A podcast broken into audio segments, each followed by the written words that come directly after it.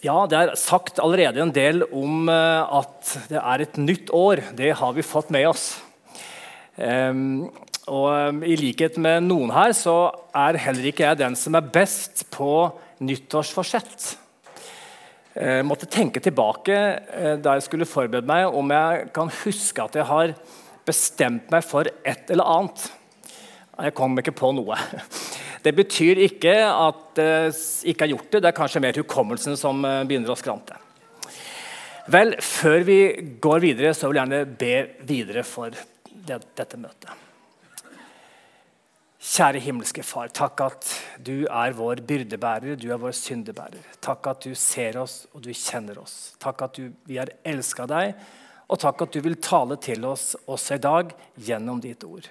Vi ber om Den hellige ånds lys over det som skal sies, og at det som blir formidla, må bli tatt imot. Vi ber om det i Jesu Kristi navn.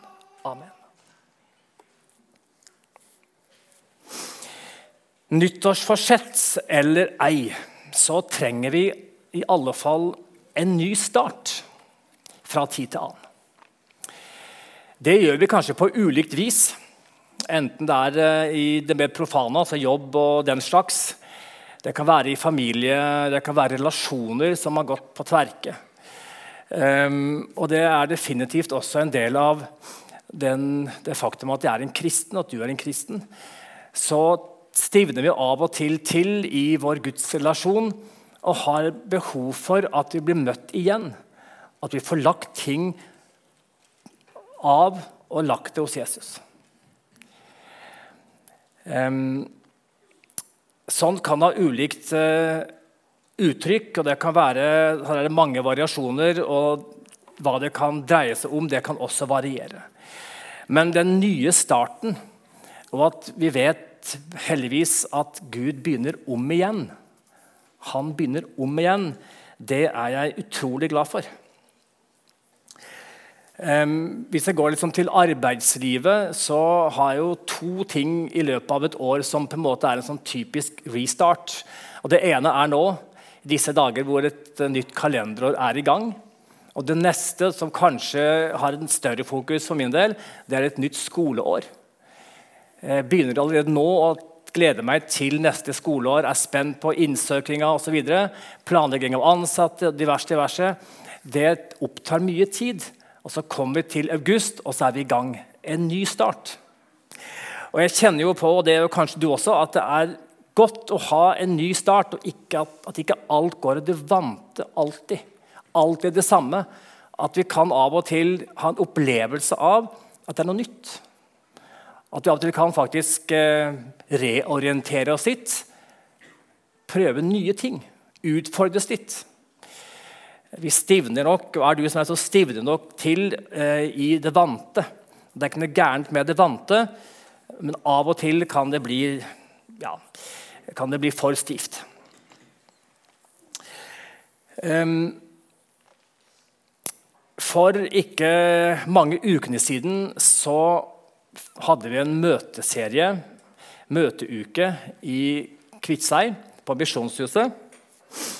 Um, jeg må bare ta, jeg må bare erkjenne en ting. At jeg er kanskje en av få som bruker lommetørkle.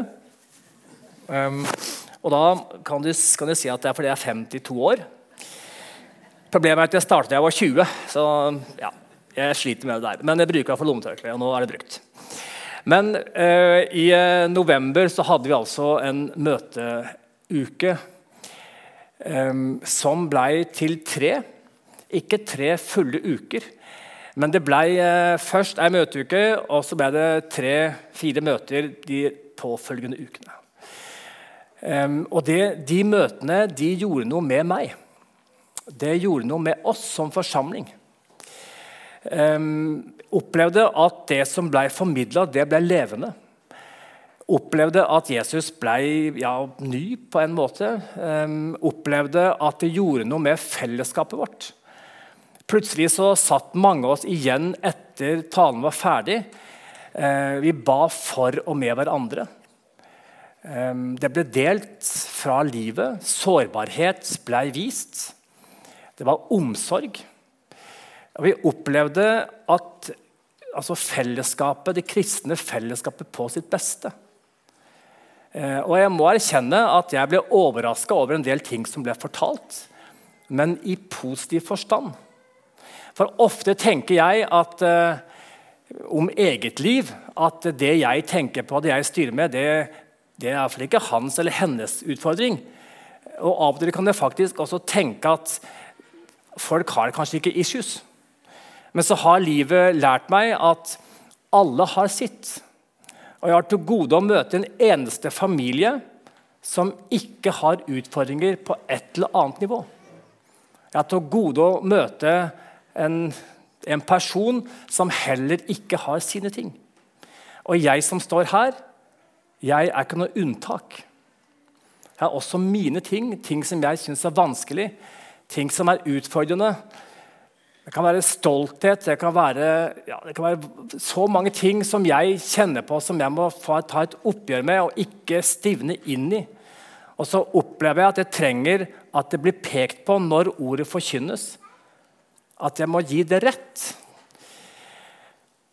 I denne møteuka så hadde taleren han kom tok meg litt til side så da sa han at det er, det er, flere som ber for disse dagene, disse møtene. Og så hadde det kommet en hilsen, og den var til meg. Og så ga han meg et, et, uh, dette kortet. Um, og så var det skrevet noen bibelvers og tre stikkord. Og så snakka vi litt rundt det, og så sa han til meg Nei, Så leste jeg. Det første var Det sto altså må jeg bruke briller. Det står 'Hold opp', kolon. Korsets seier. Ordets sverd. Fyll deg med ordet. Korsets seier. Ordets sverd. Fyll deg med ordet. Det var ord til meg. Korsets seier. I apostlenes gjerninger, kapittel 8, så står det etter hvert om Philip som er i Samaria. Og Forut så leser vi om at det var en forfølgelse som brøt løs. Eh, og så står det at de kristne var spredt rundt omkring. Og så står det i kapittel 4 så står det at de dro rundt og forkynte ordet. Og det står i vers 5 at de forkynte Kristus, eller eh, Philip forkynte Kristus. Det står i vers 12 at Philip forkynte evangeliet om Guds rike og Jesu Kristi navn. Og Det står litt lenger ned i det siste verset at de vitna og talte Herrens ord. her har det vært en, en veldig fokus på Jesus i møtet. Det sentrale. Og Det er fint å lese i apostlenes gjerninger når de reiste rundt og forkynte ordet, hva de forkynte. Hvor sentrale de var. Her var det ikke noe perifere greier. De forkynte Jesus, de forkynte evangeliet om han, de la ut hva han hadde gjort. Linken fra Det gamle testamentet gjennom Jesu død og oppstandelse. Og hva det vil si å være en kristen. De forkynte ordet.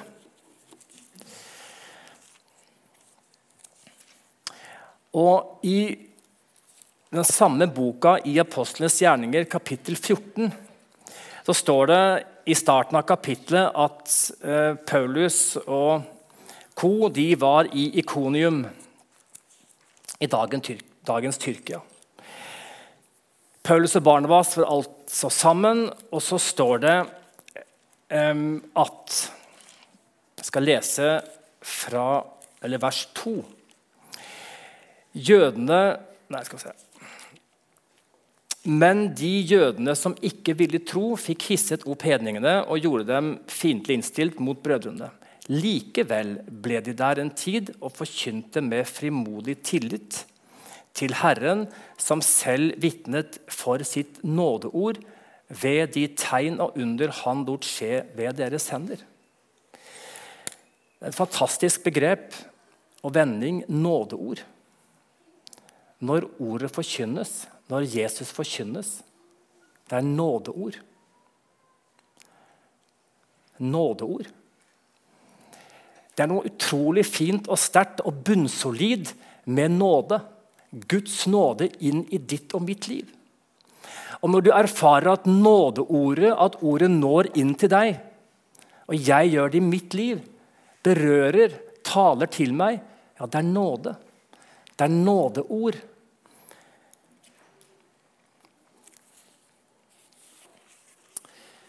Korsets seier, ordets sverd. Fyll deg med ordet.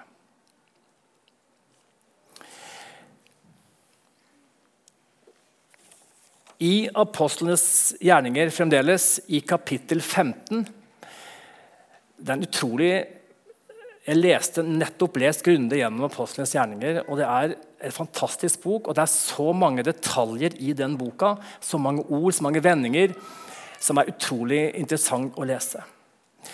Og i, Dere kjenner helt sikkert historien eh, fra eh, kapittel 15 Eh, hvor det kom altså en, noen brødre ned fra Judea, og de begynte å undervise de nye kristne eh, som hadde kommet til tro.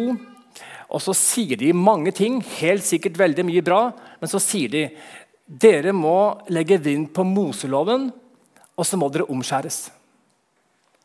Sånn er det å være en kristen.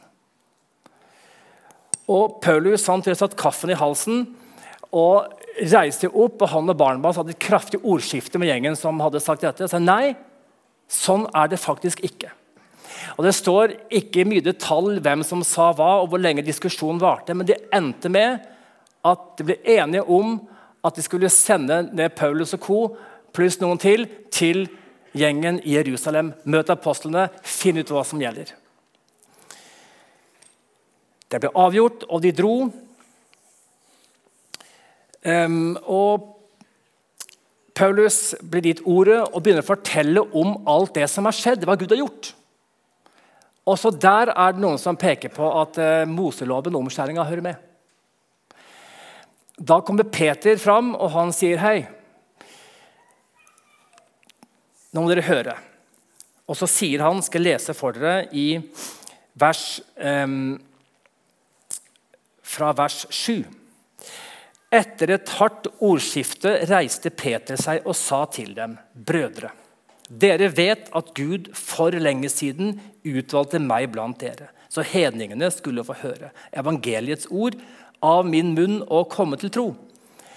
Og Gud, som kjenner menneskets hjerte, ga dem sitt vitnemål ved at, ved at de fikk Den hellige ånd, slik som vi. Han gjorde ingen forskjell på oss og dem, for ved troen renser han hjertet deres. Hvorfor utfordrer dere Gud og legger på disiplenes nakke et åk som verken våre fedre eller vi har maktet å bære? Nei, vi tror at vi blir frelst av Herren Jesu nåde, vi på samme måte som de. Da ble hele forsamlingen stille, og de hørte på Barnabas og Paulus som fortalte om alle de tegn og under Gud hadde gjort blant hedningene gjennom dem. Da ble alle sammen stille. Har du opplevd noen ganger at du har vært under ordets hørelse, og så treffer det ikke bare han og hun på siden av deg, men deg? Og så blir du helt stille. Jeg er en mann av mange ord. Jeg kan forklare ting med altfor mange ord, og jeg snakker altfor lenge. mange ganger. Men av og til så blir jeg helt stille. Det er ofte i sammenheng i møte med Guds ord i mitt kristne liv. For da kommer jeg til kort. Hvis Gud peker på stolthet i mitt liv, hva kan jeg si? Hvis han rører med prioriteringer Sant? Så kan du ha dine eksempler. Innen relasjoner. Når sier jeg 'unnskyld, jeg har tabba meg ut, kan du tilgi meg'? Når jeg har sagt eller gjort et eller annet jeg ikke bør? Inn i nære relasjoner. Når bøyer jeg meg ned og virkelig ber om tilgivelse for å begynne på nytt? Da blir jeg av og til stille. Og her folkens, her ble hele forsamlinga stille. De visste at det Peter sa, stemte. Gud gjør ingen forskjell. Jeg er så glad i, Det er noen sånne små eksempler på det hvor noen bruker veldig få ord. Dere vet jo fortellinga om Thomas som tvilte. Og Han hadde mange ord og argumenter for han, hvorfor han ikke ville tro før Jesus viste seg sånn og sånn. Så kom Jesus. Hva sa han? Min Herre og min Gud. Og Peter ved Tiberiasjøen. Herre, du vet alt. Det er befriende av og til når vi ikke trenger å bruke mange ord. Fordi Gud han ser til ditt og mitt hjerte.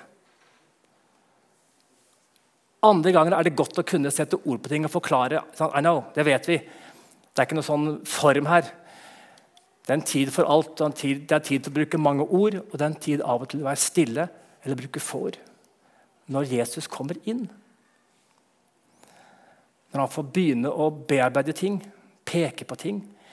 Og han peker heldigvis alltid på ting som tilgis og glemmes for å utruste, for å ikle, for å styrke, for å gi glede. Vi vet at den onde, når djevelen peker på ting i mitt liv, så vil han ikke slippe det. Da får han meg til å holde fast ved det. Men Jesus peker på ting, vil ha oppgjør, vise at det er tilgitt. Korsets seier. Og så går vi videre. Vi faller og vi snubler. Evangeliet er opp igjen. Korsets seier. Ordets sverd. Når tankene følelsene spiller et puss, bruk ordet. Ordets sverd. Jeg har bestemt meg, det jeg har gjort, jeg prøver å lese ett kapittel hver dag i Bibelen. Jeg klarer ikke alltid det, men jeg ønsker så inderlig at jeg skal ha noe av Guds ord inn i mitt liv daglig. Og Så kan jeg se tilbake på tider hvor det har vært lite og ingenting. Det går opp og ned, som nevnt innledningsvis, også med Guds relasjon. Og Jeg leser ikke i Bibelen for å bli frelst, men fordi jeg er det. For at jeg kan bruke det inn i eget liv og videre. Ha mat og føde. Og Det er fantastisk de gangene når ordet er levende og det gir noe hver gang. Så er det tyngre når det er knusketørt og ingenting, blir, ingenting å spise. Dere kjenner det helt sikkert igjen. Korsets seier, ordets sverd.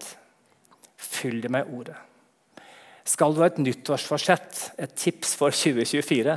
Det er ikke så verst. Det kan være et ønske, en bønn om å ha en lengsel etter å leve nær Gud. At Jesus skal få fylle meg, få bruke meg. At han kan berøre andre gjennom meg, gjennom deg. Og går du på en smell, han begynner om igjen, også i 2024. Amen.